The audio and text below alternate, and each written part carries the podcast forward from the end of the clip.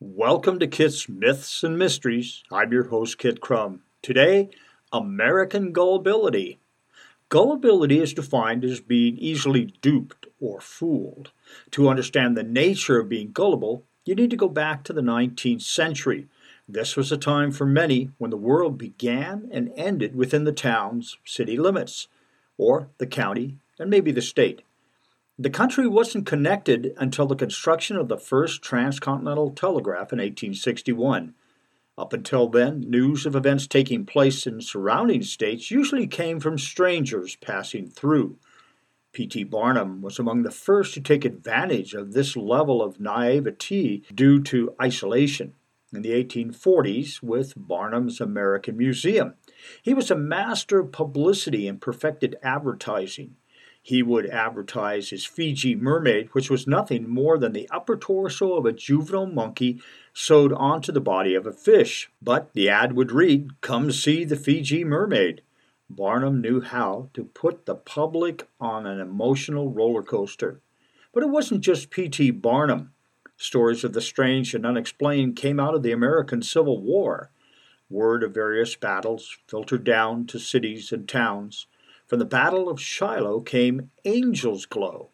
April 6th and 7th of 1862, the two-day Battle of Shiloh saw the Confederates achieve a considerable victory in the first day, but they were unable to hold their position the following day and succumbed to the Union forces.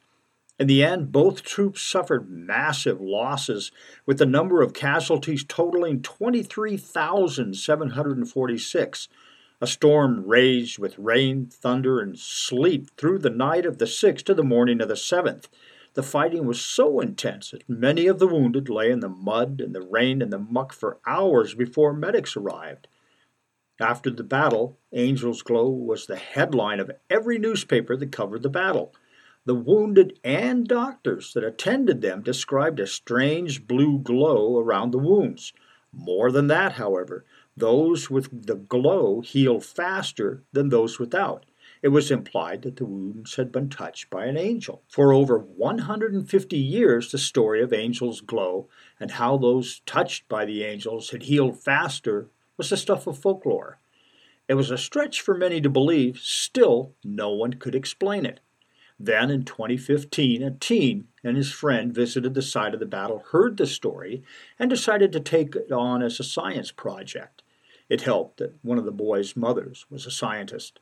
Long story short, the boys discovered the presence of a type of roundworm that attacked insects and regurgitated a bacteria that was luminescence, that glowed in the dark.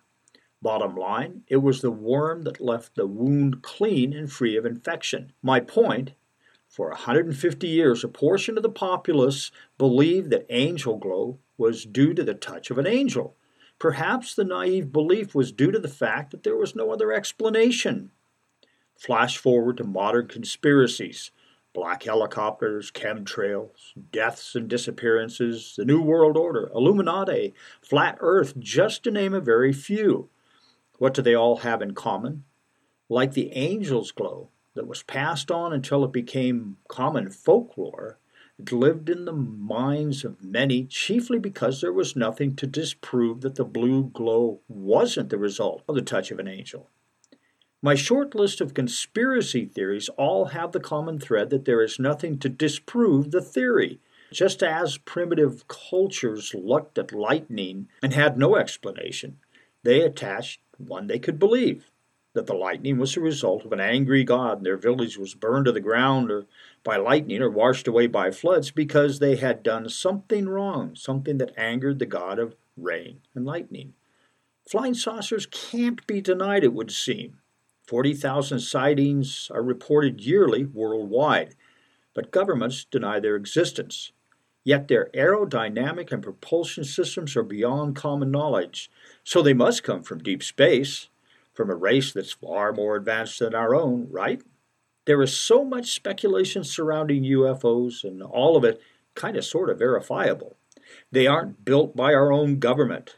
They are built by our government. They are reverse engineered. They come from another dimension, and on and on as we attach a theory to something we can't explain. America has changed since the early 19th century when P.T. Barnum perfected advertising, was able to convince the gullible public that he had a Fiji mermaid. As the United States grew, it also shrank. Telegraphs connected cities and towns. News of scientific discoveries was quickly disseminated. The public now had information to compare with or expose the seemingly unbelievable. So much so that the mantra surfaced that if it seemed to be too fantastic to be true, it probably was. But just as the public now have tools to check facts, the powers that be, the government, military, and many giant industries, have become more sophisticated in their disinformation. It would seem that only through critical thinking and deductive reasoning can the American public break through the modern epidemic of gullibility that is currently sweeping America. American Gullibility was produced here at Night Owl Sound Studio and brought to you by Book Savvy Studio, Lost Lodge Press, the Rogue Valley Metaphysical Library, and Owl Creek Press. I'm Kit Crum. Thanks for listening.